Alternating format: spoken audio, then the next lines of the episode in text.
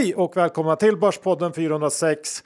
Vi ska direkt presentera vår huvudsponsor som är Skilling, den svenska ägda multi-asset tradingplattformen som satsat på säkerhet, snabbhet och enkelhet. Något annat de också har satsat på John, det är kryptotrading. Skilling har ju blivit the home of krypto CFDR eh, genom sitt breda utbud av krypto som man kan trada. Ja, och det har ju verkligen varit en volatil eh, period nu.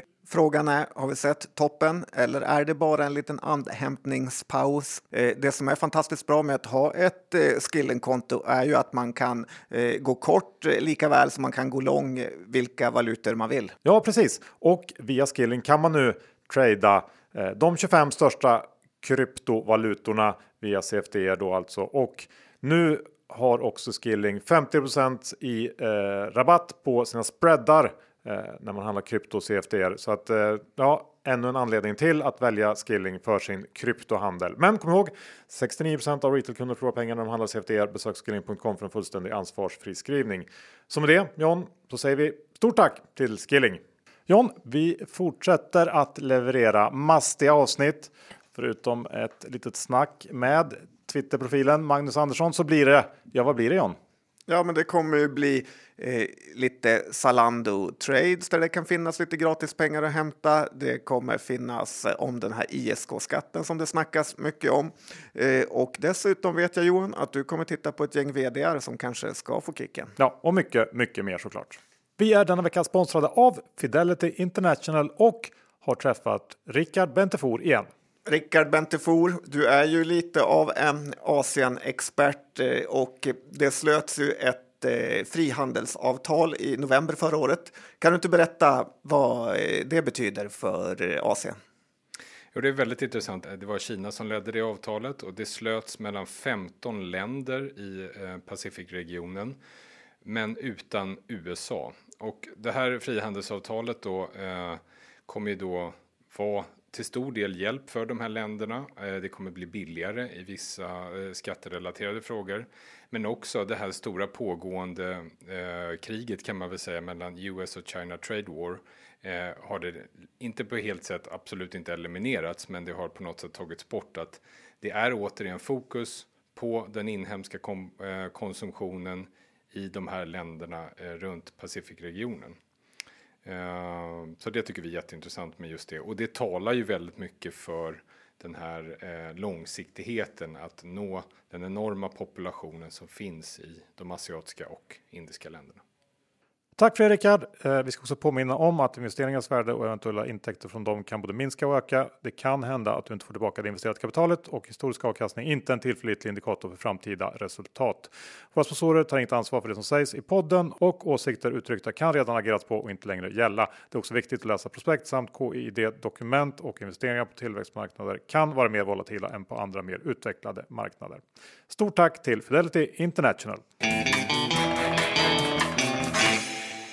Johan Dr. Bass Isaksson index var nu på morgonen i 22,75 sjunkit tillbaka lite till 22,62 och vi är inte långt ifrån den all time high som sattes eh, 16 april då eh, kring 22,80. Vad säger du om eh, börsläget? Ja, men vi är väl ändå fortfarande kvar i det här intervallet vi har handlat i, även om som du säger så närmar vi oss den övre delen här och ja, kanske bryter upp på uppsidan. Vi får se. Eh, samtidigt får man ändå säga att börsen har långsamt smugit in i någon slags händelsefattig sommarbörs, så det finns inte så mycket mer att säga om det. Eh, men det här stora raset som många har pratat om har i alla fall uteblivit. Det kan vi konstatera så här långt. Vi går direkt på veckans stora snackis, miljonärskatten. Eh, jag pratade lite om de här strömningarna för några månader sedan. Det här med att jag, jag var lite inne på att tillgångar nog kommer att ja, beskattas i högre utsträckning. Och i veckan så gick Magdalena Andersson ut med att man vill återinföra förmögenhetsskatten. Eh, det ska bli ny kapitalskatt på förmögenheter, tuffare 3.12-regler för alla småföretagare och eh, som du var inne på i början John, tak på sparande i ISK. Ja, så är det. Ja, och eh, det här verkar ju grunda sig på någon typ av Lite konstigt rättvisa argument att det är orättvist att folk som varit sparsamma eller slitit hårt med företagande lyckats tjäna lite pengar. Eh, men fastighetsskatten som man nog ändå kanske kan argumentera för är mer orättvis, den vill man inte röra för det skulle ju kosta för mycket i röstväg. Eh, vi har ju haft en förmögenhetsskatt tidigare och det funkar inte så bra. Eh, jag tror att det enda som det här leder till är ju att Sverige urholkas. Driftiga, smarta människor som kan skapa arbetstillfällen skulle få ännu fler anledningar att flytta.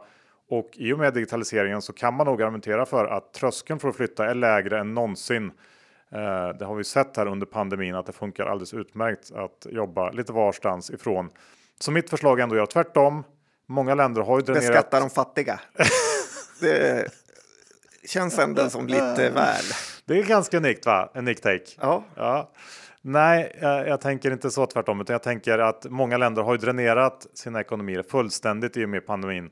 Men Sverige har faktiskt fortfarande en extremt låg statsskuld relativt sett och borde ta tillvara på det genom att göra det mer förmånligt att starta och tjäna pengar på företag i Sverige och inte tvärtom. Så här har vi en jättemöjlighet eh, i att göra tvärtom.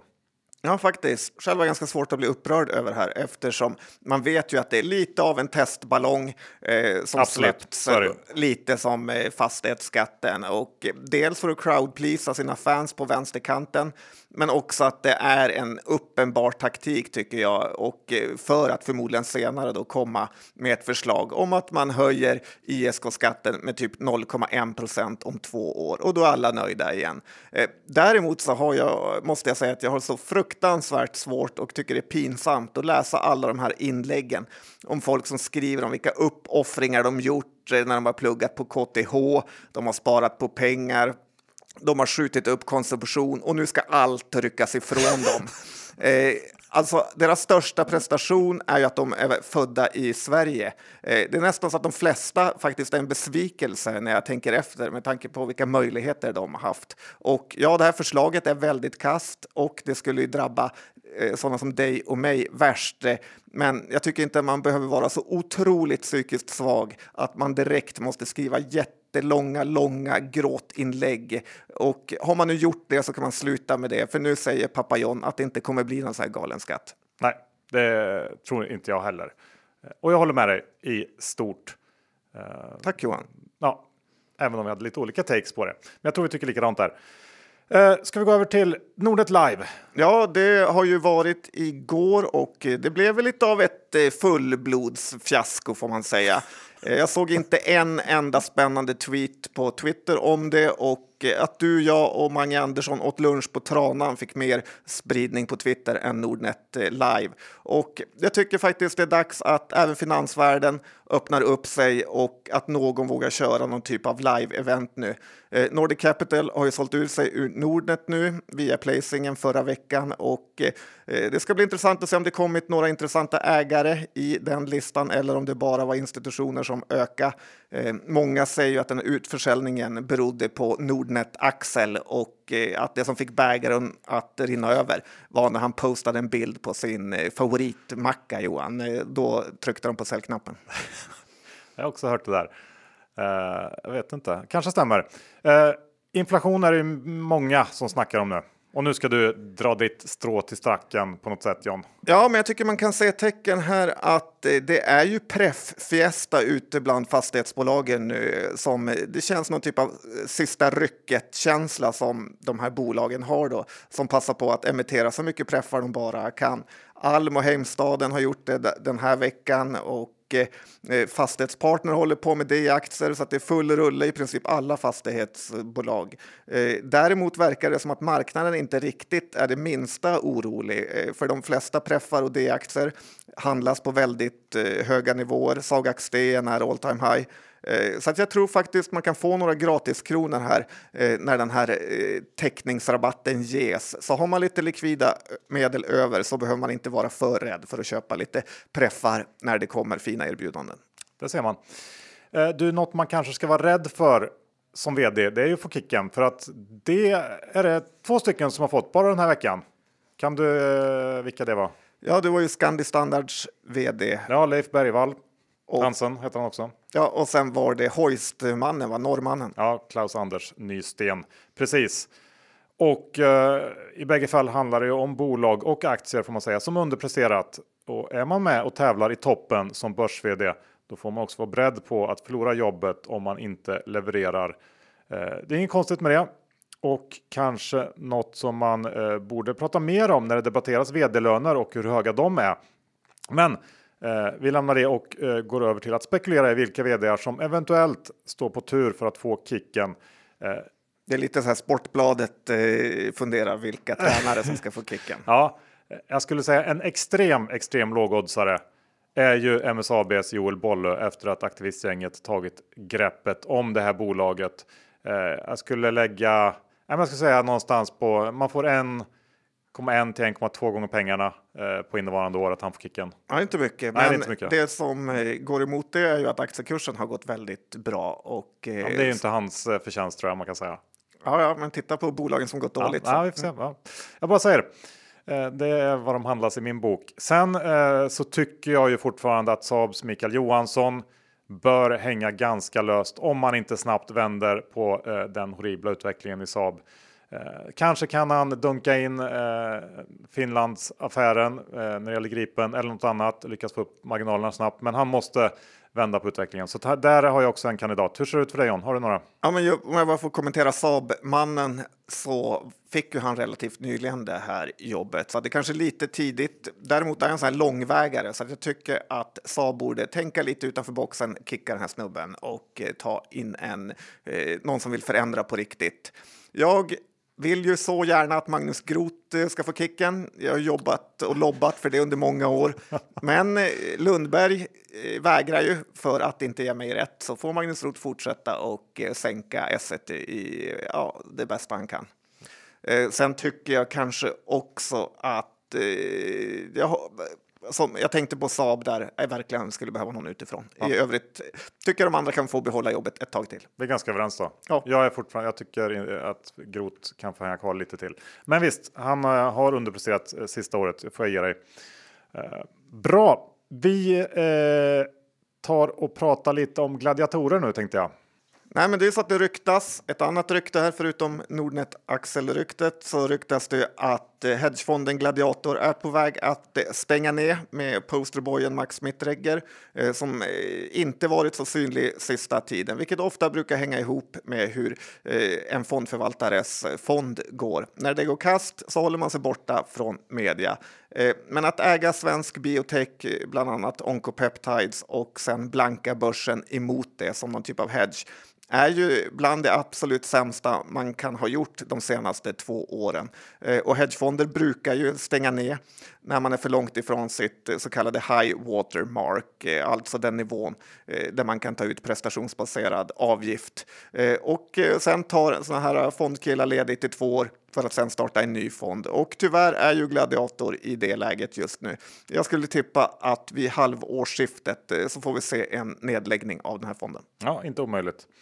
Vi, vi går över till eh, den absolut största sjukheten på börsen sista veckan och det är ju checkin.com. Det eh, nynoterade bolaget. Eh, de gick in på 15,50 kronor per aktie för lite knappt två veckor sedan och sen har det spårat ur totalt. För Checkin är ju ett typ av digital inloggningsprogramföretag, eller hur? Ja, eh, det här bolaget grundades 2017. De har någon slags idé att de ska etablera en ny standard på internet för incheckning och via en mjukvaruplattform så får bolagets kunder en incheckningslösning som ska bidra till att öka konverteringsgrad och intäkter eh, helt enkelt. Um, gick som sagt in på 1550. Den var uppe på 220 ungefär idag som högst. Eh, nu när vi spelar, gick in för att spela in var det väl runt 130 så det är ganska eh, rejäla kast. Eh, och eh, tittar man på siffrorna så förra året så levererar Tjeckien drygt 22 miljoner kronor i intäkter, gjorde ett ebitda-resultat på knappt 2 miljoner och eh, det här året ska ha börjat bra med fler nya kunder eh, så här långt än under hela 2020. Eh, och marknaden är såklart eh, potentiellt sett enorm för en sån här lösning. Och på noteringskursen så eh, ja, då känns väl det här som en, en rimlig chansning. Men efter en ja, ungefär tiodubbling får vi säga då, på knappt två veckor. Någonstans runt 4 miljarder i börsvärde. Det svänger väldigt snabbt så att det är svårt att ha eh, exakta uppgifter där. Men däromkring, det var uppe i 5,5 eh, tidigare idag, men runt 4 när vi spelar in. Eh, så har ju marknaden tagit ut precis allt och lite till faktiskt i förskott. Samtidigt som det är långt ifrån klart att checkin.com kommer att bli den standard för incheckning på nätet som man siktar på att bli. Eh, det kommer att krävas många, många år av fantastisk tillväxt för att det här bolaget ska växa in i värderingen. Och eh, om man av någon outgrundlig anledning lyckats vara med på den här resan ända hit så skulle jag säga att det är bara att säga tack och hej nu för att eh, det här kommer inte hålla. Nej, de som köpte aktien på över 200 kronor kommer förmodligen aldrig få tillbaka sina pengar. Det är tråkigt men sant. Det är tufft där ute på börsen. Det är det. Eh, en annan sjukhet är ju det som har hänt i Elos medtech i veckan. Ja, men faktiskt. Eh, här har ju insider tradats så in i på slätta som de säger där nere. Aktien har gått upp 27 procent på en månad och hela Västergötlands aktiebönder har återigen skott sig här. Elo stängde alltså igår på den föreslagna budkursen på 215 kronor eh, som bolaget eh, sa att det snackades om i dagens eh, pressmeddelande, även om ingenting är klart. Kanske är det något för Varabon Olle Aronsson på Breakit att nysta i kan jag tycka, för det här är en av de eh, mest uppenbara insideraffärerna man har sett på länge. Och det är inte heller så att det är proffs som har varit här, som har legat och smygköpt under en period, utan här har ju Kreti och Pleti dundrat in med blankolån. Så att om EBM inte kan hitta ett case här så kan de lika gärna lägga ner, eh, vilket i och för sig vore helt rätt med tanke på deras uselhet. För man har ju läst i det om att det är otroligt eh, tuffa arbetsvillkor på EBM nu, eh, som det skriver om varje dag. Någon har blivit förflyttad och det är så sjukt jobbigt för dem att jobba, studenter och småsparare. Eh, kanske det borde skriva lite mer om att EBM bara jagar småsparare och låter utländska robotfirmor göra precis som de vill. Du vet, du vet att man inte måste vara bosatt i länet där, där liksom bolaget finns för att man ska kunna handla aktien? Är, det, är det den, för du verkar ju tro att det framförallt är Östgöta bönder som har köpt här inför då, insiderhandlat. Västgötabönder, Västgöta, okay Det här är ju inte Sevianmannen style på att ligga och fylla upp sina pussar, utan här är det bara vräkas rakt in. Så, så spåren pekar mot de här bönderna? Ja, det pekar mot dem. Okay. Mm. Ja, trist i alla fall. Bönder eller eh, finanshajar. För så här får man ju inte göra. Nej, här kommer bli lite galler för dem. Mm. Eh, Elekta byter vi till lite snabbt. De rapporterade i fredags och eh, kom lite blandade siffror får man säga. Sämre omsättning resultat, men orderingången steg faktiskt med hela 18% organiskt och det var ju ändå ett fint tecken får man säga på att marknaden nu har börjat återhämta sig efter pandemin. Och eh, Elekta valde också att presentera en ny guidance. Eh, siktar på över 7 i årlig tillväxt fram till 24-25 och på marginalsidan sa man att ebit-marginalen ska öka under samma period. Eh, känns det spontant som en, en ganska försiktig och tråkig guidance som jag tror och tycker att man har goda möjligheter att överträffa. Eh, aktien har fått någon höjning här efter rapporten och även om det inte är något jättefint så kanske den kan vara helt okej okay bara på det faktum att de har en återhämtning och eh, ett uppdämt behov framför sig och att det helt enkelt kommer att börja se bättre ut när kvartalssiffrorna trillar in här framöver. I övrigt inte jättemycket att hetsa upp sig över tycker jag. Nej, faktiskt inte. Men det här är ju, borde vara ett case, lite återhämtningscase kan man tycka. Lite så.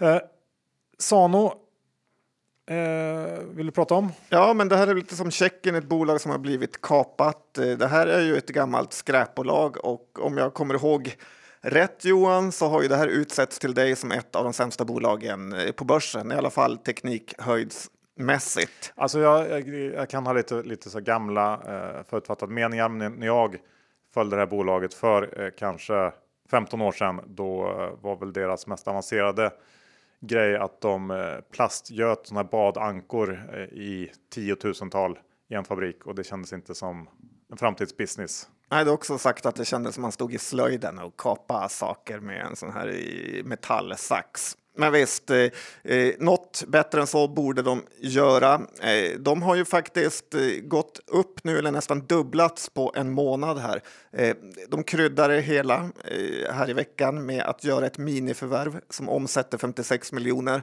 eh, danska kronor och eh, som inte ska ha någon påverkan på deras vinst i år. Eh, så att eh, nästan ett obetydligt förvärv när man har ett bolagsvärde på nu över 3 miljarder. Men ändå går kursen tiotals procent på det. Och nu är ju numera är det sådana här robotsnurrkapningar bättre än att få ett bud, vilket ändå säger lite om börsen. Jag tycker inte Xano eller Sano har någon rimlig möjlighet att försvara eh, den här typen av börsvärde som de har just nu faktiskt. Ja, det gäller väl de flesta sådana här serieförvärvare. Eh, det är någon slags bubbla i den typen av bolag nu. Eh, och eh, en till så här 2022 spaning att eh, det blir tufft för dem. Ja, och eh, Calasano serieförvärvare i jämförelse med Indutrade de här är ju sinnessjukt felaktigt. Ja. LMK Group, alltså Linas matkassebolaget, har nu varit börsbolag i drygt två månader och hunnit med att släppa sin första rapport. Eh, tittar man på den så fortsatte den positiva trenden under Q1 som man såg under förra året. Eh, växte 34% och eh, ebitda-resultatet steg från eh, dryga 30 till dryga 40 miljoner. Eh, och det här momentumet ska också fortsätta in i Q2. Men man varnar också då för att jämförelsetalen börjar bli tuffa när vi möter siffror från eh, ja, när pandemins effekter började synas under förra våren. Eh, och eh, det eh, är väl det här som marknaden är lite rädd för. Vi var tveksamma inför noteringen på 79,50. Aktien står väl nu runt eh, 71 kronor och de närmsta kvartalen blir det lite upp till bevis för Linas matkasse. Hur stor blir den här negativa reopening effekten och eh, det är klart att det kan eh, finnas ett läge här om man lyckas få många att delvis ändra på sitt beteende och tror man på den här matkassmodellen så ja, då är det nog läge att titta på LMK nu för att eh, det finns en del oro för utvecklingen och värderingen är ganska låg ändå. Eh, på vinstprognoserna jag har sett för, för i år och nästa år så är det P13, 14 och, och lite lägre nästa år. Eh, personligen så är jag fortsatt tveksam till hela modellen och avstår, men eh, det skulle kunna finnas lite värde här. Ja, det är möjligt. Själv har jag, tycker att jag har provat i princip alla de här eh, hemleveransmat företagen. Och lite förvånad så ligger Coop på min personliga första plats nu. Jag tror Ica och Axfood, framförallt Ica, kommer ha svårt med, här, med olika butiker som eh, vill tävla om att leverera till kunden. Linas matkasse, ja, jag håller med dig där. Jag är inte jättesugen på att laga någon jättekomplicerad eh, kycklingstuvning. Nej, just det här det jag framförallt har problem med är ju att få jag har svårt att se hur man kan få kunder att stanna kvar jättelänge. Man testar några veckor och sen tröttnar man. Men alla är ju inte som jag. Nej, Nej. men jag är ganska lik. Ja, det är Uh, Vitrolife uh, vill du prata om. Har det någonting med Kinas nya barnfödarpolitik att göra? Eller? Gud, så bra du är på att gissa Johan. Det blev ju officiellt att man får skaffa tre barn där i Kina nu. Kanske Kina skulle ta exportera in oss som typ av föredöme där. Tycker jag. Mm, det har ju faktiskt satt fart ordentligt på Vitrolife-aktien om inte annat, eh, som redan tidigare ändå får man säga har lämnat någon typ av värderingskarta. Eh, men så fick det här eh, aktien att spåra lite extra. P-talet på Vitrolife ligger nu kring 80 och det passar kanske ganska bra då ett människoliv är ungefär 80 år. Kanske börsen har hittat något där. 2023 så ska ju det här p-talet då sjunka till ungefär 70. Så Vitrolives p-tal är ju lite grann som medellivslängden i Ryssland som bara sjunker. Du har hittat någon koppling här? Väl? ja, nej, men oavsett där, om man får tre barn eller inte i Kina eh, så går det inte för mig att betala de här multiplarna för eh, Vitrolife. Och eh, jag misstänker att Bure är rätt så sugna att eh, börja sälja av en liten del faktiskt av eh, det här guldägget som de har kommit över. Eh, de är näst största ägare och om jag vore Bure skulle jag casha hem lite nu. Ja, jag med faktiskt. Uh, jag tänkte att vi också ska ta en snabb titt på Clas Ohlsons siffror som kom nu på morgonen. Omsättningen, den var ner 6 men det var känt sedan tidigare. Den tyngdes främst av nedstängningen i Norge. Eh, Ebit kom in en bit under förväntningarna eh, samtidigt som majförsäljningen bättre än väntat och utdelningen på 6,25 var också högre än estimaten. Och sammanfattningsvis eh, tycker jag att det här var en rapport som bör leda till ganska marginella kursrörelser. Man ska komma ihåg att Klasse hade en eh, lite konstig eh, pandemivinnarperiod under förra sommaren och att eh, den innebär svåra jämförelsesiffror i närtid och det kan nog eh, tynga aktien lite grann här eh, under sommaren. Men sen skriver bolaget också i rapporten att man förbereder för en mer normal marknad i höst. Och är man positiv så köper man det här nu som ett reopening case inför hösten. Så det finns lite av varje att välja på här beroende på vilken syn man har. Ja, faktiskt. Man har väl länge eh, kallat Clas Olsson för gubbdagis. Så att om gubbdagiset öppnar igen så borde det faktiskt vara bra kan jag tycka. Ja. Eh, ska vi avsluta med Kinneviks inlösenrätt? Ja, för det är lite intressant. En sån här trade som eh, inte kanske så många har tittat på för det är ganska komplicerat, men det är ofta då det finns möjligheter att eh, tjäna pengar. Och eh, Kinnevik inlösenrätt då har ju knoppats av från eh, Kinnevik. Och här är ju villkoren väldigt viktiga, så det gäller att eh, lyssna. Pole position som eh, motivationskonsulten Micke Södermalm brukar säga när han får feeling. Kommer du ihåg honom Johan? Ja. Man var tvungen att sitta rak i ryggen och anteckna när han fick eh, på hans infall här. Men i alla fall, eh, så pole position gäller nu. Om man köper 143 stycken inlösa rätter i Kinnevik får man 28 stycken Zalando-aktier. Och eh, 143 inlösenrätter kostar ungefär 164 kronor styck så att det blir 23 452 kronor. Och för de här pengarna får man då 28 stycken Zalando-aktier där styckespriset blir 837 kronor för en Zalando-aktie. Eh, och eh, jämfört då vad man får betala på tyska börsen där den kostar ungefär 921 kronor eh, omräknat då förstås. Så man får nästan 10 i rabatt på att göra den här traden. Eh, det som inte är riskfritt är ju att man blir inlåst under en eh, period eh, i samband med att man konverterar de här inlösenrätterna till först eh, svenska Zalando-aktier och sen blir de eh, tyska. Eh, men jag tycker ändå att det är en intressant trade och dels har man vanliga Zalando-aktier så kan man bara sälja av dem och köpa Kinnevik inlösenrätter istället. Eller så kan man kanske försöka blanka Zalando-aktien Eh, så att eh, det finns, eller så köper man bara inlösenrätterna och hoppas att eh, den här priskorrigeringen inte går ihop. För det är ändå för stor rabatt för att bara låta vara. Ja, spännande. Nu John är det dags för vårt lilla snack med Mange Andersson. Han kräver väl ingen närmare presentation utan vi snackade om Evolution, LVMH och mer. Ja, det var väldigt Netflix. kul att höra varför han blev jokern, eller jokergrejen. Mycket jokersnack. Vi ställde honom till svars för det hemska han har gjort på Twitter med jokergiffar. Eh, så att eh, lyssna på det. Vi är denna vecka sponsrade av Myrkvist som grundades 2016 och som förra året blev utsedda till Sveriges snabbast växande skomärke. Och deras framgångsrecept är ju att de säljer väldigt snygga skor av riktigt hög kvalitet och använder inga mellanhänder. Därför kan de erbjuda de här skorna till ett väldigt bra pris till dig och mig som kunder John. De är handgjorda i Portugal och eh, ja, de köper in materialen från de absolut finaste garverierna i Europa. Ja, och personligen så har jag ju fått betala ett väldigt högt pris för mitt ointresse av eh, skor.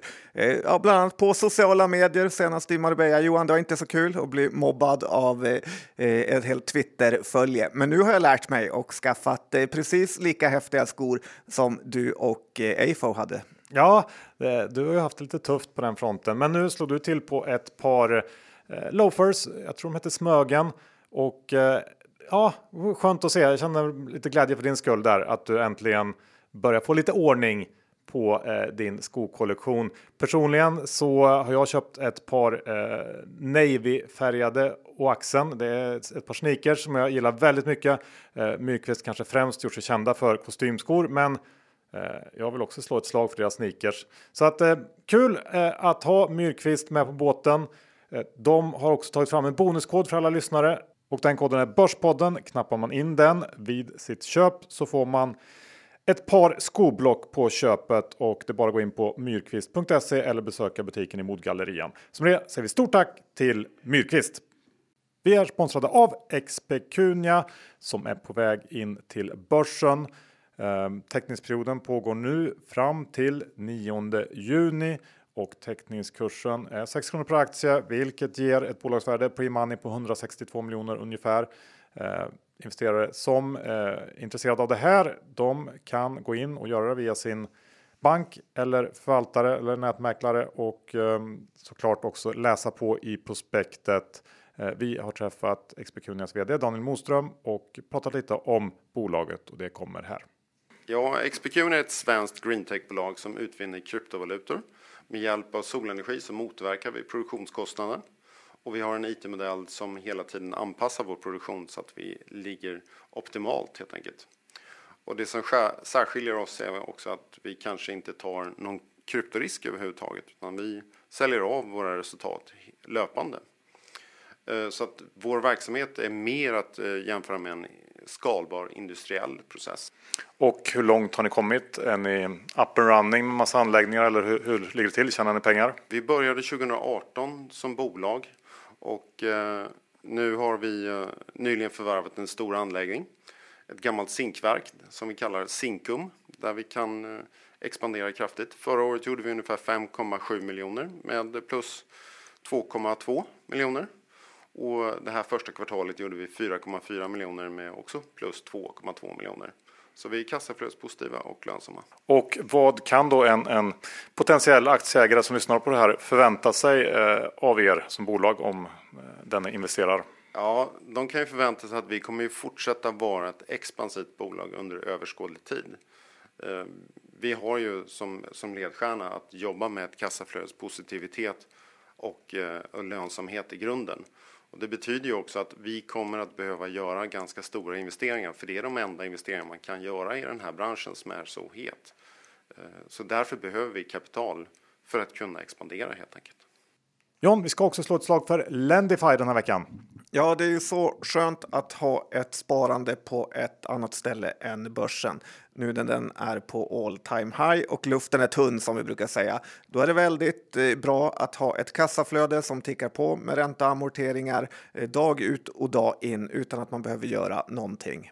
Precis John, och vill man testa det här då är det bara att gå in på lendify.se snedstreck Börspodden för gör man det och eh, investerar minst 20 000 kronor. Då får man 500 kronor extra insatt på sitt konto, vilket är en fin start på ett Lendify sparande.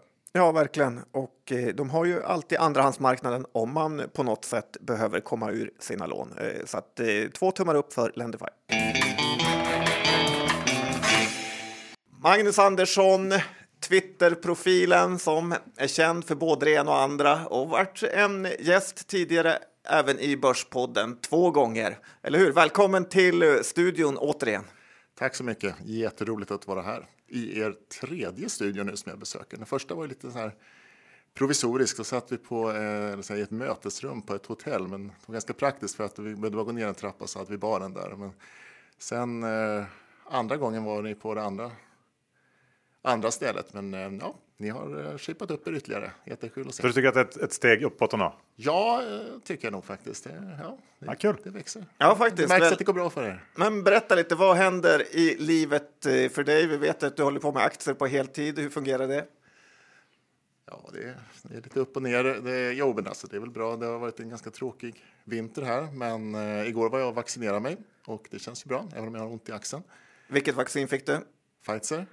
Fina grejer. Alltså. Ja, för du har ändå varit eh, ganska pushig att man ska ta vaccinet har jag läst på dina Twitter-inlägg. Jag försöker bidra till att uh, bryta min isolering i Uppsala. Det har varit lite tråkigt att inte komma in hit till Stockholm som förr faktiskt. Så du är ingen, du är ingen anti-vaxxer? Nej, precis tvärtom faktiskt. Jag är en fru som är vaccinforskare och håller på med covid-vaccin också. Så det jag jobbar ju faktiskt på G Healthcare som håller på, eller den del som håller på med olika grejer till vaccin och så en gång i tiden. Så därför är jag kanske lite engagerad i det. Nej, men det är väl bra. Annars... Eh... Får jag bara fråga, hade du tagit Astra om du hade blivit erbjuden det? Ja, hellre än att inte ta, absolut. Det är ingen snack. Är, absolut. Nej, men eh, det är väl bra. Jag eh, håller på med aktier som vanligt. Eh, försöker spela lite golf också. Åter, återanknutit eh, bekantskapen efter så här, flera decenniers uppehåll med golfen. Och eh, så skriver jag en bok faktiskt. Oj då, författare nu med. Vad ska den handla om? Eh, den ska handla om hur man tar sig till eh, nästa nivå som investerare. Det är alltså inte någon nybörjarbok utan eh, det, tanken i alla fall då är att den ska ge praktiska råd och så till hur man liksom som aktieintresserad kan utveckla sig. Och började i november och börjar så smått bli klar nu och förhoppningsvis är det utgivning i början av november i år. Kul, vad ska den heta? Eh, Det är inte riktigt spikat, vi håller på att jobba lite med eh, den grejen. Men eh, råd kommer att förekomma i titeln i alla fall. Spännande. När vi berättade att du skulle komma hit till studion så fick vi lite frågor och det var en som sa, kan du inte fråga hur rik han är nu? Det är, många är nyfikna och nu när du skriver bok med så vill man ännu mer veta, hur rik är du just nu? Give or take mellan tummen och pek. Jag tror jag svarar. Jag lyssnade faktiskt lite grann i eh, går kväll när jag åkte hem från golfbanan så lyssnade jag lite grann på eh, avsnittet eh, 2015 när den här frågan också kom upp där och jag sa väl att eh, ja, tillräckligt med pengar. Men nu har du mer än tillräckligt, eller? Ja, Om du hade det jag då? hade- Mer än jag hade 2015 i alla fall. Okej. Ja, men det är bra. Annars Jag har är det svårt att skriva också. bok kanske. Eh, men ska vi också, tänkte jag lite den här klockan, hur går det med klocksamlingen? för du la senast ut för en dag sedan här Ja, att är jag, en jag, ny klocka. jag har ju liksom eh, kört in här i, eh, i, på Johans sida här, på Rolex-facket eh, lite grann på sista tiden. Så det är väl det är det enda nya som finns att rapportera där. Ja, kul. Men ska vi, ska vi eh, lämna klockor och gå över till börsen kanske? Eller? Ja, berätta lite hur du ser på börsen just nu. Den står ju relativt högt ändå. Jag är väl optimist som vanligt. Jag tror, eh, jag tror inte på så mycket högre räntor. Jag tror att eh, det ser ganska bra ut. Men alltså, jag, just att förutspå hur börsen kommer att gå. Jag menar, vi kan ha ett ras nästa vecka. Det är väldigt, väldigt knepigt. Men jag är inte orolig eh, för värderingen och så där. Men det gäller ju också naturligtvis att man har rätt bolag då och eh, de där bästa bolagen som växer och har bra marginaler och sådär. Då, tycker jag inte att eh, det finns någon anledning att oroa sig. För du är fortfarande inne på eh, det lite mer digitaliseringsspåret i din Oh, portfölj. Ja. Oh ja, fast inte enbart, men eh, väldigt mycket inne på digitalisering. Och har börjat doppa tårna lite grann i spelbolag också, alltså då dataspelsbolag och så där, men det är bara lite grann vid sidan av. Men det är också för att det är digita- digitaliserat. Det är liksom, det är många som ojar sig över värderingarna och så där, men eh, bolag med eh, ja, eh, digitala affärsmodeller som får snurr på försäljningen, det blir ju det är som att tälja guld. Det är ju helt annorlunda och eh, det måste man ju tänka på när man tittar på P-tal och PS-tal och alla sådana saker. Det blir mycket diskussioner om det här dagligen tycker jag på finanstwitter och sådär om hur högt bolag ska värderas och så. Men ja, vi kommer säkert att gå igenom några av dem som jag pratat om tidigare så får vi se. Ja, men hur, hur, ska man, hur ska man se på det där då, rent generellt? Ehm. Ja, man måste, det, det finns väl ingen lätt regel på det, men man kan ju inte liksom titta riktigt på eh, PS och P tycker jag på samma sätt eh, när eh, marginalerna är så fantastiska. Om du i allra bästa fall då har noll marginalkostnad på det du säljer, det blir ju en helt annan sak än om du ska liksom, ja, sånt där som jag jobbat med förr, när man ska tillverka saker och lagerhålla dem och skicka ut dem och de eh, blir kvar i lagret och de skickas i retur och alla sådana saker. Det är ju en helt annan verksamhet när man skickar digitala produkter till sina kunder. Och eh, korta svaret är väl att man måste liksom acceptera att det blir högre värderingar för att eh, de växer in i de värderingarna väldigt, väldigt snabbt. Är Men då gäller det att verkligen hitta rätt eh, bolag för eh, annars köper man ju alldeles för dyrt något man aldrig får tälja guld. fast livet blir ju väldigt mycket enklare om man hittar de där bästa bolagen. Så gör man väl det så är det ju faktiskt ganska lugnt sen, det, även om det skakar. Och, eh, så, men, eh, ja, Men vad tittar du på då för att välja rätt? För du har ju uppenbarligen valt ganska rätt om man tittar historiskt. Ja, så jag, jag börjar ju med eh, sånt som jag tycker är intressant. Jag menar, det, det finns ju jätte- jättemånga bra bolag som eh, kommer att tjäna fantastiskt med pengar och sådär. Men jag orkar inte hålla på med sånt som jag inte tycker är intressant. Jag inte tycker att produkten är intressant. Att eh, det är liksom roligt att hålla på med och så. Så det är väl första steget då. Men eh, sen är det bara att titta vilka bolag som sticker ut.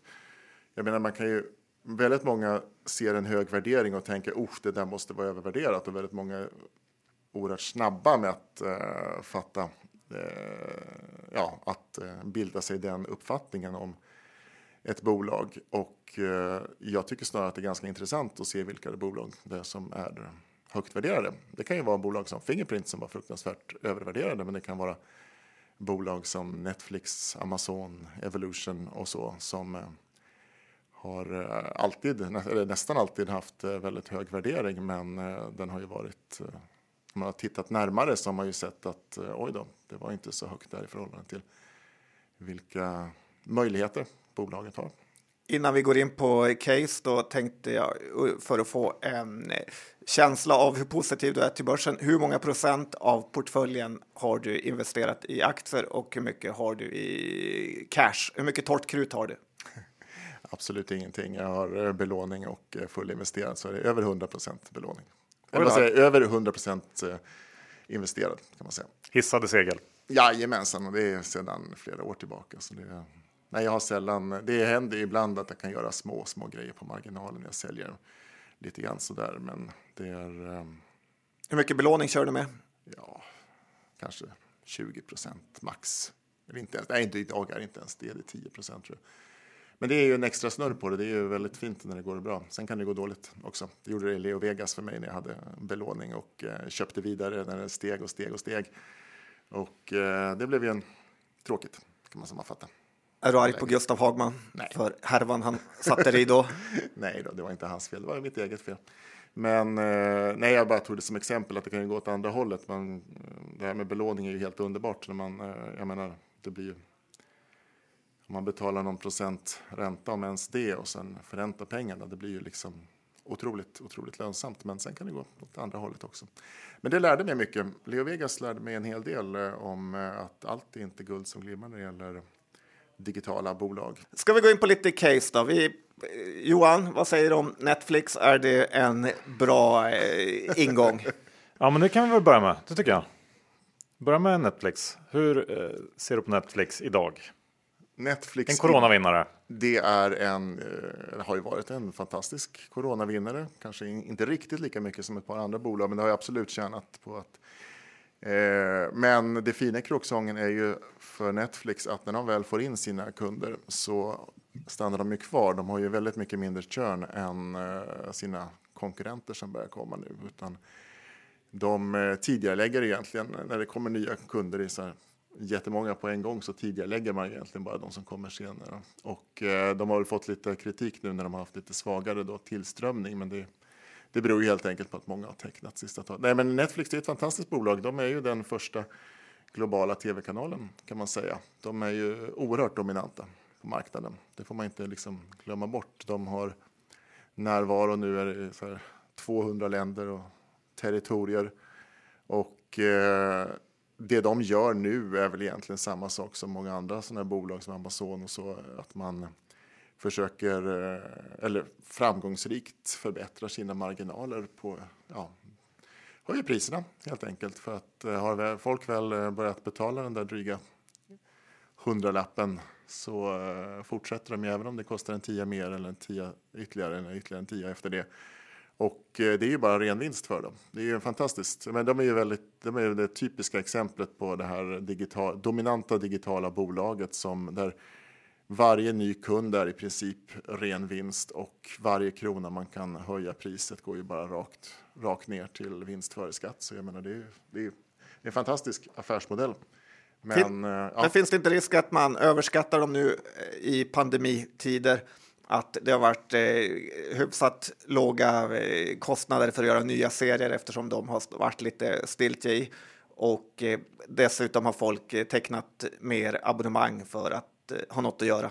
Nej, jag tror inte marknaden, eh, där har det varit ganska ljummet den sista månaden, halvåret eller så där. Jag tror inte att de är, de känns ju inte så här jättehet aktie på det sättet just nu. De, de, men det är lite typiskt för Netflix, den går lite upp och sen så står den still eller faller tillbaka och sen så sticker den upp en 40 procent eh, på några månader och så där. Men jag är inte så orolig för det där. Jag menar, de har affärsmodellen och de har eh, dominansen. Det finns ingen av deras konkurrenter som håller på att ta kunder av dem direkt. Det är bara på marginalen. Man, eh, skaffar man Disney så har man det vid sidan av, av Netflix. Det är inte liksom så att man tänker nej nu, får, nu tar vi bort Netflix här som kostar 120-130 kronor för att barnen vill ha Disney. Det är inte riktigt så. Men de här lokala konkurrenterna då, typ Viaplay och så som jag antar finns i andra länder med. Är inte det ett eh, hot?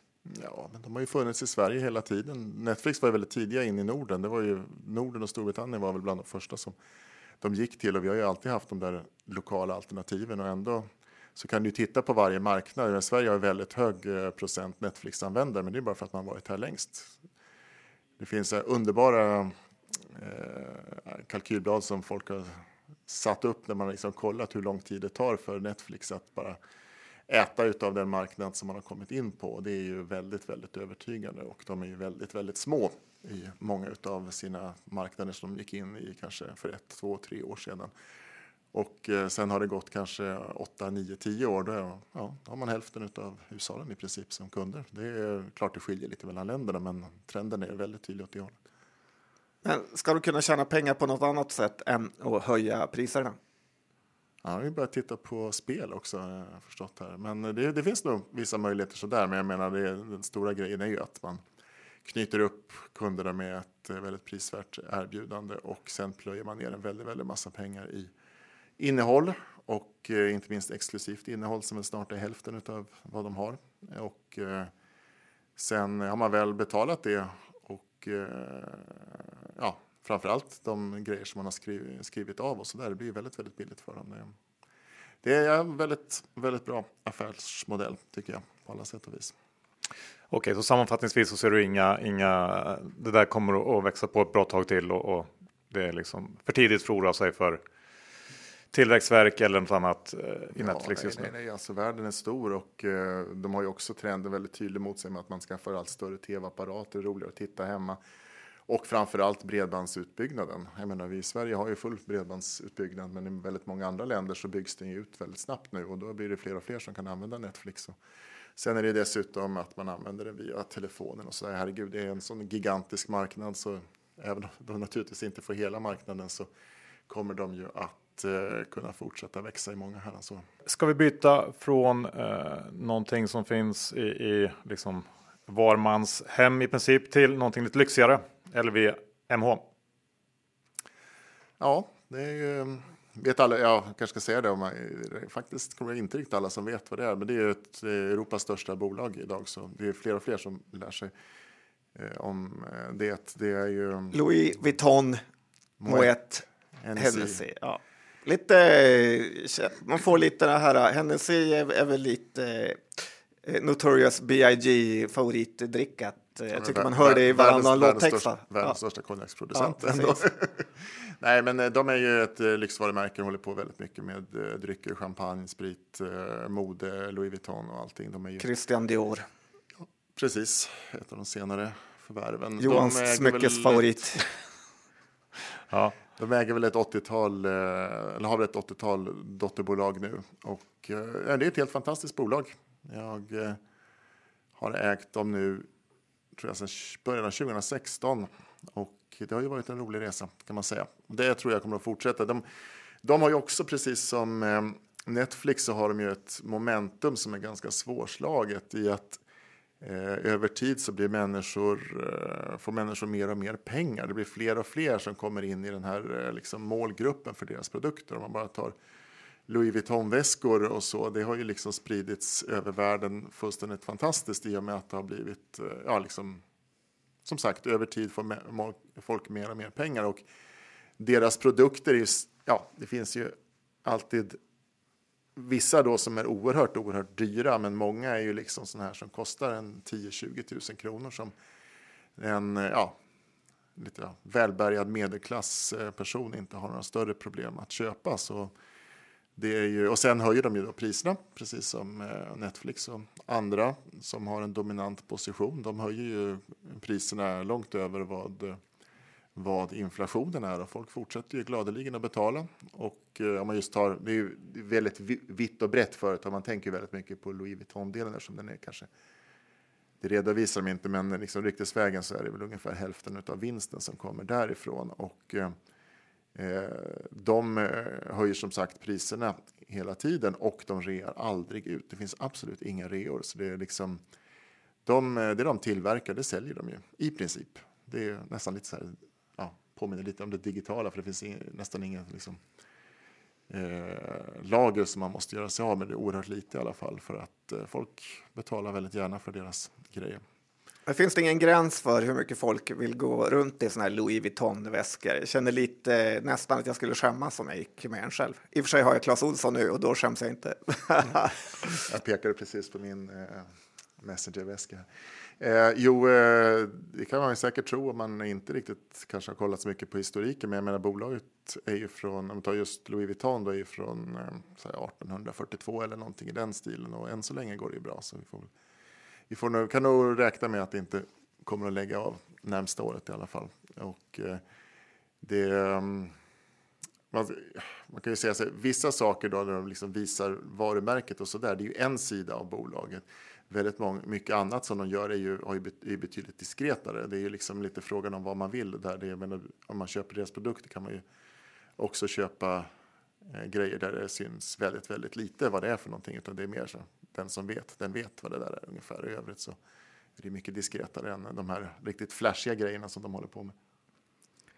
Det eh, finns ju mycket uppstickarmärken man ser på Instagram eller reklam för något nytt klädmärke hela tiden. Du tror inte att det, det, finns något eh, hot med att det är ändå relativt lätt nu för tiden att starta nya eh, olika märken? Nej. Du är säker på det? Och, men vad, jag såg någonstans på eh, Twitter att du skrev att du trodde eh, det här bolaget skulle komma upp i en värdering kring, var det tusen euro? Ja, det är... Ja, Aktien står nu i, vad kan den stå i, 600? 660 eller någonting ja. sånt. Det är ju, nej, jag tror absolut att eh, det är liksom bara att titta eh, på hur det går för, eh, liksom, ja, bara gå bakåt. Om man, jag menar, det går lite upp och ner och sådär, men om man drar ut den, den eh, långa grafen till, inte vet jag, 2010 eller 2000 och sådär så ser man ju liksom hur det går. Det blir ju liksom brantare och brantare uppåt eftersom de har en sån otrolig... Jag vet, bara tänk hur de handlades ner i början av coronan då, om vi tar ja, början och kanske slutet av februari i fjol. Jag menar, de var ju nere på 270 eller någonting i den stilen. Jag menar, det, det var ju fullständigt bisarrt om man tänker på hur stabil verksamhet de har, även om de naturligtvis drabbades hårt framförallt eh, första halvåret 2020.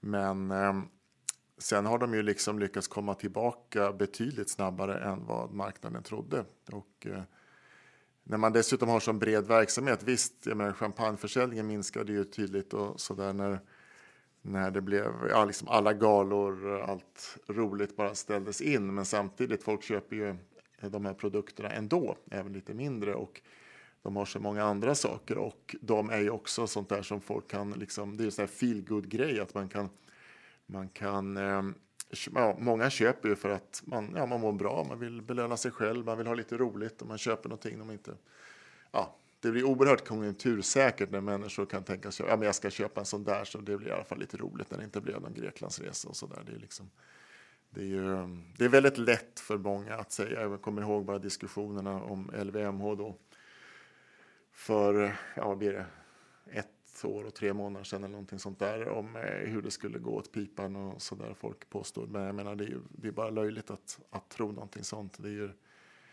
de här bolagen, jag menar som LVM har ju överlevt liksom revolutioner och två världskrig och så vidare. Men de, kommer ju, de påverkas ju bara på marginalen av att det kommer en sån här händelse eller att det blir någon lågkonjunktur eller någonting sånt. Det är, ja, Dessutom är fördelen att eh, kunderna i regel har pengar även om det för andra delar av samhället går dåligt. De flesta av deras kunder de, de tillhör ju inte de som får dra in på maten.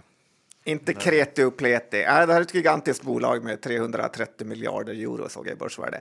Men, men vi går vidare igen i en rask eh, takt här eh, till att prata eh, Evolution Gaming där du kanske har gjort dig ditt namn då på Twitter. Kan du berätta den här jokern som jag ändå har stört mig både en, två, tre uppemot hundra gånger nu. Vad är, det, vad är grejen ja, med jokern? Det gör jag ju för att reta dig. Du måste ju inse det. Ja, men du lyckas ska jag säga. Ibland kan jag inte sova när jag tänker på den där jokern. Nej, det var, jag vet inte hur det började. Det var väl inte bara jag som började med jokern. Det var väl lite grann som att vi tyckte att... Eh, jag tror det missförstod där när du pratade om det där. Det är liksom inte en fråga om det är ju inte någon så här alltid ego till mig på något sätt tänkt som, utan det var ju mer för att, eh, för att Evo lyckades med allting när alla bara höll på och pratade om att nu är det si och nu är det så. Sen kommer en ny rapport och sen bara hoppsan sa, det blev det lite tyst i, eh, i ledet av kritiker. Så det Men Jokern är ju typ någon psykiskt sjuk person som eh, gör jättekonstiga saker. Ja, är ju så cool, det måste du, just den här eh, Joaquin Phoenix-varianten är ju så häftig. Vet du. Nej, jag vet inte. Det, det är väl lite, man kan väl säga så här, och jag är väl inte helt ensam här, utan vi är ju liksom ett gäng fanboys som håller på i, i många år och eh, så där. Och eh, vi tycker väl allesammans, tror jag, att det är ganska roligt att eh, reta eh, vissa som eh, stör sig på Evo och eh, dess framgångar och, eh, och så där. Så det kanske har spårat ur ibland, det får man ju Ja, men jag har lyckats bra kan jag säga. Det är ganska många som är sura. Eh, men berätta lite om Evolution. Då. Deras eh, senaste rapport, vi har haft insynsförsäljningar. Det, det, det har hänt en hel del. Det, det, är de som filmar roulette i Baltikum, eller hur var det? Just det. Med ja. halvnakna tjejer. Ja, precis. Nej, jag, Börsens jag, jag, sexistiska Den delen pratas det inte så mycket om faktiskt. Nej, det har blivit lite tyst där tycker ja, jag. Konstigt. Just det där med filma Baltikum. Eh, nej, vad ska jag säga om Evolution? Det är väl Sveriges bästa bolag. Och eh, nu stör sig säkert många på att jag säger någonting sånt, men då vill jag gärna höra vilket annat bolag som lyckas bättre än Evo de senaste åren. Eh, de, eh, de är ju, eh, om man går tillbaka lite grann och våra lite diskussioner tidigare om Evo och så där, men de är ju ett sånt där bolag som eh, man bara tycker mer och mer om ju mer man läser om det. Det finns ju många andra bolag där man tycker oh, det här såg ju fint ut, men sen börjar man titta närmare och då, då blir det ju inte riktigt lika glimrande som det såg ut från början.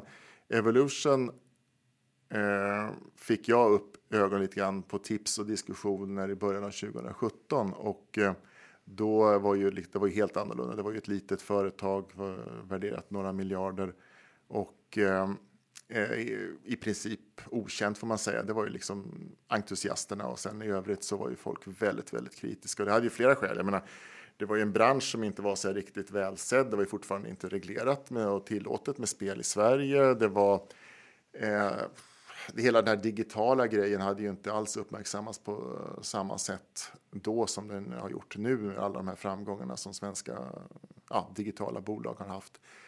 Och eh, överhuvudtaget så missförstods det ju väldigt mycket då liksom att eh, det bara liksom var de började ju, då var det ju väldigt enkla grejer. Det var ju roulette, baccarat och eh, blackjack de höll på med. Och eh, det räckte ju då, men om man liksom går tillbaka till deras historia innan noteringen där i slutet av 00-talet och sådär. Men sen så skaffade de ju kompetens och eh, blev bara bättre och bättre och eh, då blev det ju, skapade de ju en väldig massa nya spel. De blev, eh, ja, spelen, de gamla spelen blev bara bättre och bättre och konkurrenterna fick ju väldiga problem att eh, alls ha några framgångar. Om, ja, om jag, jag vet inte, det var, kanske hade 40-50 procent av eh, Europamarknaden. Det här är ju väldigt osäkra siffror, det finns ju ingen officiell statistik. Men säg att man hade 40-50 procent av Europamarknaden då 2017-18 där så har de ju kanske 75-80 procent av marknaden. De har ju monopol kan man säga. Nu tror det låter som att det bara är de som är tillåtna då, men de har ju ja, ett faktiskt fortfarande monopol i eh, Nordamerika. De är enda leverantören där på en marknad som håller på att vakna som blir fullständigt jätte, jättestor. Och, eh, jag åkte till, eh, till, eh, på besök eh, på deras största anläggning i Riga för ja, nu i dagarna faktiskt precis tre år sedan och det blev den stora ögonöppnaren för mig för vilken gigantisk skala som man verkar på. Och nu är de ju liksom dubbelt så stora har de blivit sen dess, eller mer än dubbelt så stora. Men ja, i, eh, liksom, i studior och har de blivit dubbelt så stora. Omsättningsmässigt är det mycket mer än så. Och eh, när man går runt där och ser liksom det hela, ja, eh, den här liksom gigantiska fabrik för att eh, liksom skapa live-casino. Då, eh, och naturligtvis få svar på många så frågor om hur det funkar och hur det ja, går till och så där. Då förstår man ju liksom styrkan i det hela och det där är ingenting som man kan börja sätta igång och konkurrera med utan de som konkurrerar nu det är förutom Playtech då som är ett jättestort bolag inom i branschen som håller på med eh, ja, hur mycket olika grejer som helst så är det ju väldigt skralt med kon konkurrensen idag. Det finns, de som finns eh, ju, har ju verkligen bara ett par procent av marknaden och så förutom Playtech som kanske har 10 procent, vad vet jag. Men du tycker inte att det blivit någon skev fördelning att operatörerna, typ Leo Vegas, eh, har eh, ganska små börsvärden och tjänar lite pengar medan Evolution som levererar produkterna tjänar men- massor med pengar? Det är det som är evolution också. Det är precis så det går till. att eh, Vissa har en verksamhet som är väldigt mycket mer lönsam, lönsam och dominant medan andra håller på med en verksamhet som är lätt att kopiera. För det är ju operatörernas stora problem och det blev ju också Leo Vegas och andras eh, problem att konkurrensen är knivskarp och de måste lägga en massa pengar på reklam. Evolution lägger inte ett öre på re- reklam. Ja, de kanske har viss marknadsföring på mässor och så, men liksom ingen reklam alls att tala, reklamkostnad att tala om sådär. Och de eh, eh, har ju ett unikt erbjudande. Deras spel är ju oerhört mycket bättre och oerhört mycket mer populära. Och det är, jag menar, det är som eh, egentligen vad som helst i underhållningen, att det är ju kunden, slutkunden, spelaren som bestämmer vilka som ska tjäna pengar. Och eftersom Evolutions spel är så otroligt mycket bättre än konkurrenterna så är det dit som folk går. Och det betyder ju inte att ingen går till de andra, inte på något sätt, men jag menar, har du, har du ett 90-10 eller 80-20 förhållande, då, ja, då har du sen väldigt mycket pengar att plöja ner i, i fortsatt utveckling och så kan du tjäna ännu mer pengar och så kan du öppna ännu fler studior och så kan du ta dig in på ännu fler marknader och sen, ja, det är liksom eh, Evolution är ett av många bolag som människor tänker så här, jo, men hur stort kan det bli och borde inte börja gå ner? Men jag menar, den adresserbara marknaden för live casino, den är ju så gigantiskt mycket större än dagens marknad eftersom det är den stora omställningen ifrån fysiskt kasino så kanske fortfarande är en 85-90 procent av marknaden i världen och vi har online-casino som är kanske 10-15 %, Jag vet inte exakt vad det står i nu plus att live-casino, vilket ju är den allra, allra största delen av Evolution, även som de köpte NetEnt och eh, BTG nu, men live casino är den stora grejen. Och eh, den växer ju då på övrigt online. Eh, live casino växer på övrigt online casinos bekostnad för att eh, folk eh, tycker det är roligare med live casino generellt. Vad säger du om den här ESG-stämpeln då som ändå har dragit ner värderingen för många eh, bettingbolag? Ja. Är det inte något du är orolig för i Evolution? Nej, men det gjorde, det gjorde ju det under en period. Det var ju väldigt lågt. Jag menar, går vi tillbaka nu, kan man knappt tro att det är sant, liksom, men går vi tillbaka till, vad blir det nu, slutet av sommaren 2019 tror jag räknade på att på innevarande år så är Evolution värderat eh, P2021 eller någonting i den stilen. Då hade ju liksom alla de här fonderna hade sålt ut och det var väldigt mycket snack om hur det skulle vara liksom, eh, ja, minsta lilla problem förstorades upp och så vidare. Men jag tror att det där har väl släppt väldigt, väldigt mycket för att ESG är ju någonting som, ja, som det ofta är, det är väldigt, väldigt stort i Sverige, men det, det är ju inte alls lika stort. Jag menar, amerikanska fonder och eh, så verkar ju inte bry sig det minsta. De köper ju, jag menar, bolaget köps ju upp av utlandet nu bit för bit hela tiden kan man ju säga. Det är ju, det är ju inte mycket som är i svenska händer idag och eh, det är ju det som styr värderingen. Jag menar, det har ju påverkat. Men om man tar, går tillbaka två år så var det i princip ingen utlänning som skrev om Evolution överhuvudtaget. Det hade aldrig varit någon som hade kontaktat mig när man sett att jag skrivit på Twitter eller någonting sånt där. Och sen började det väl kanske, ja, för ett och ett halvt år sedan började det ta fart och sen 2020 ökade. Och sen dess har det liksom bara exploderat, det utländska intresset. För att eh, med liksom de här marginalerna, dessutom ökande marginaler och tillväxt och så vidare, så sticker det ju ut. Och framförallt när bolaget nu är ja, värderat över 300 miljarder kronor så syns det ju på radarn för helt andra bolag. Plus att vi har den här enorma momentumet för den här typen av verksamheter då nu när det har legaliserats med eh, online-spel. Men-. Sportspel framför allt, då, men kasino hänger ju på efteråt i USA och det kommer ju att bli världens största marknad inom bara ett par år. Men trots det har vi sett lite insiderförsäljning eller insynsförsäljning av ledningen. Eh, De ser väl någon anledning till att casha hem. Jo, men Där var du också tuff på Twitter, får jag, man säga. jag, jag vet, jag vet Jag sa till alla som kritiserade var tvungna att sluta med börsen. Nej, det sa jag verkligen inte. Jag tyckte bara att slutsatsen att nu var det fara och färde när, när de två grundarna som har varit med sedan 2006 säljer om det då var 14 procent av sitt innehav. Det är liksom, man, saker och ting måste ju sättas i proportion. Skulle de ha sålt 80 procent, ja då finns det ju verkligen anledning. att- Men jag menar, människor måste ju, jag vet inte om du satt med ett innehav på 30 miljarder, skulle inte du vilja ta ut det och göra någonting annat och investera lite fler bolag då? Jag menar, de sålde då för 2018 var det väl som de sålde betydligt större del av sitt dåvarande innehav. Och lite lustigt var ju att det var mer eller mindre exakt en 15-dubbling av aktien sedan dess. Så jag menar det, jag tror inte att man ska se att det är en jättestor indikation om man då säljer 15% idag.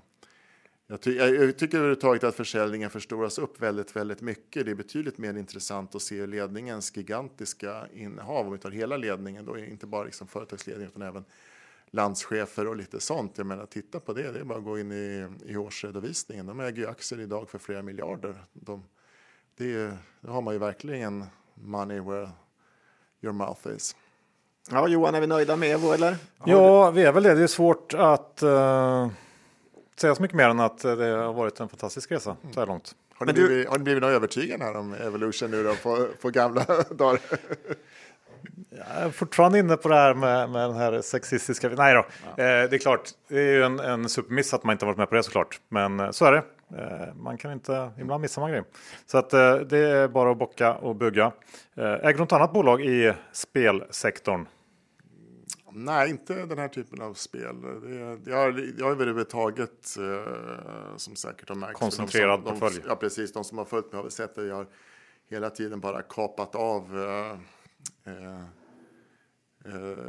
antalet bolag som jag äger och tagit de som jag tycker bäst om. Och eh, jag är ju väldigt, eh, jag är stor anhängare av det här och kanske lite Buffettska, men ja, överhuvudtaget det här att man minskar sin risk om man koncentrerar sig och följer ett fåtal väldigt bra bolag väldigt mycket. Men sen, jag menar, jag, jag har ibland, det har blivit, blivit så mycket diskussioner så vi ska inte gå in på det, eh, sa vi nu, men liksom, jag har ibland eh, varit med så små, eh, små grejer som i Härnö Gin till exempel och eh, ett par eh, små spelbolag och så där. Men det är ju liksom, man, ja, kanske ska vara tydlig med det. Det där har ju liksom varit mer för att jag tycker att det här är intressant och att jag tror då väldigt mycket om jag liksom träffar en ledning eller lyssnar på dem och tycker att de här verkar ju jätteduktiga. Då tycker jag det är intressant att göra några sådana här små grejer. Men eh, det är väl de här bolagen som jag, ja, om du tar liksom iGaming då som jag håller på med. Sen äger jag till barnen nu eh, Embracer och det, det är lite, ja, för deras portföljer är det en eh, ja, allt större del kan man ju säga då, om man tar den typen av spel. Jag är ju oerhört imponerad av av, eh, av Wingefors gör och så. Det tycker jag är roligt. Det var jag ju oerhört sen in i eftersom jag inte kan liksom game. Jag är ingen gamer överhuvudtaget. Men ja, man kan ju om man har lite erfarenhet och följt många ledningar och så där och lyssnat på dem så är det väldigt tydligt när någon sticker ut på det sätt som han gör och eh, det är inte bara han eh, som är duktig på det sättet. Eh, Evolution har ju liksom ja, typ topp tre i alla fall utav bolagsledningar i Sverige. Men jag tror att eh, Vingefors är väldigt nära där också. Så det tycker jag har varit roligt. Och det, men Vingefors har fått nog med cred under de här åren tycker jag och Embrace har pratat mycket om. Kan vi inte innan vi lägger av här bara säga, eh, du har ändå lite också gjort en karriär i början med att eh, vara en av de främsta Apple-förespråkarna.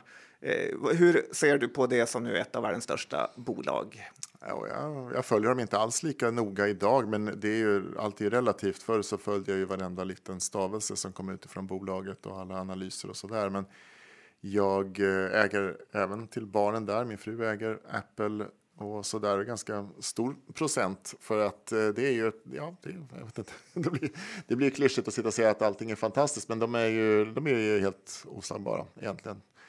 Jag tänker på det när vi satt och, eftersom jag då lyssnade på första halvan av vårt samtal 2015 igår, så tänker jag på det där då med oron som var. Nu känns ju den ganska, eh, ja, inte som aktuell, där ni frågade mig då liksom om de verkligen skulle kunna fortsätta med någonting efter att iPhone hade varit en sån succé och så vidare. Och Sen så minns jag när jag var tillbaka och bara pratade Apple en, en liten kortis ett år senare då att vi pratade om det här att jag hade upptäckt det här service-segmentet som jag tyckte var mer och mer intressant. Det var inte alls lika sexigt som iPhone och iPad och eh, sådana grejer. Men det har ju visat sig att det blev ju oerhört, oerhört bra. En enorm marginal och bara växer och växer och växer. Det Vad är det det innehåller? Eh, ja, det är prenumerationer, det är ehm, garantier. De tjänar ju oerhört mycket på sina garantier eftersom de opererar i så stor skala och så där. Och eh, sen är det ju eh, massa mjukvara. Det är liksom ehm, ja, alla, alla typer av icke-fysiska produkter egentligen som de har. Det har de ju en väldig massa. Och sen är det framför allt då kan vi säga de här 30 procenten som de snor av ehm, appförsäljningen och sånt. Det blir ju hur mycket pengar som helst. Och så det är ju det. Eh, täljer guld. Eh, någonting som växer väldigt snabbt och har hög marginal är ju inte helt fel. Kan man säga. Nej, men det är kul. Magnus Andersson gillar bolag som täljer guld och eh, eh, får man säga. Ja. Bra, då får vi nog ta och tacka dig Magnus. Kul att du kom förbi och uh, lycka till med boken här i höst. Ja, tack så mycket. Jätteroligt att vara här som vanligt. Slut på avsnitt 406 John. Vi eh, ska först och främst tacka vår huvudsponsor Skilling. Se till att öppna ett konto. Det görs enkelt med BankID. De har svensk kundtjänst.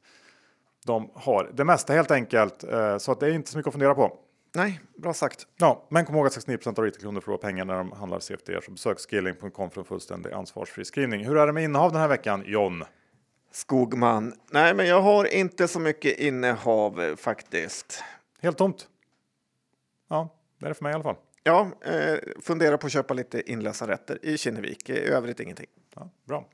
Eh, och eh, först ska jag säga hej då på ett normalt vanligt sätt eh, och sen så får vi kanske börja utföra en varning då för alla extremt känsliga människor där ute som eh, tar sig illa vid när John säger hej då. Men jag säger hej då.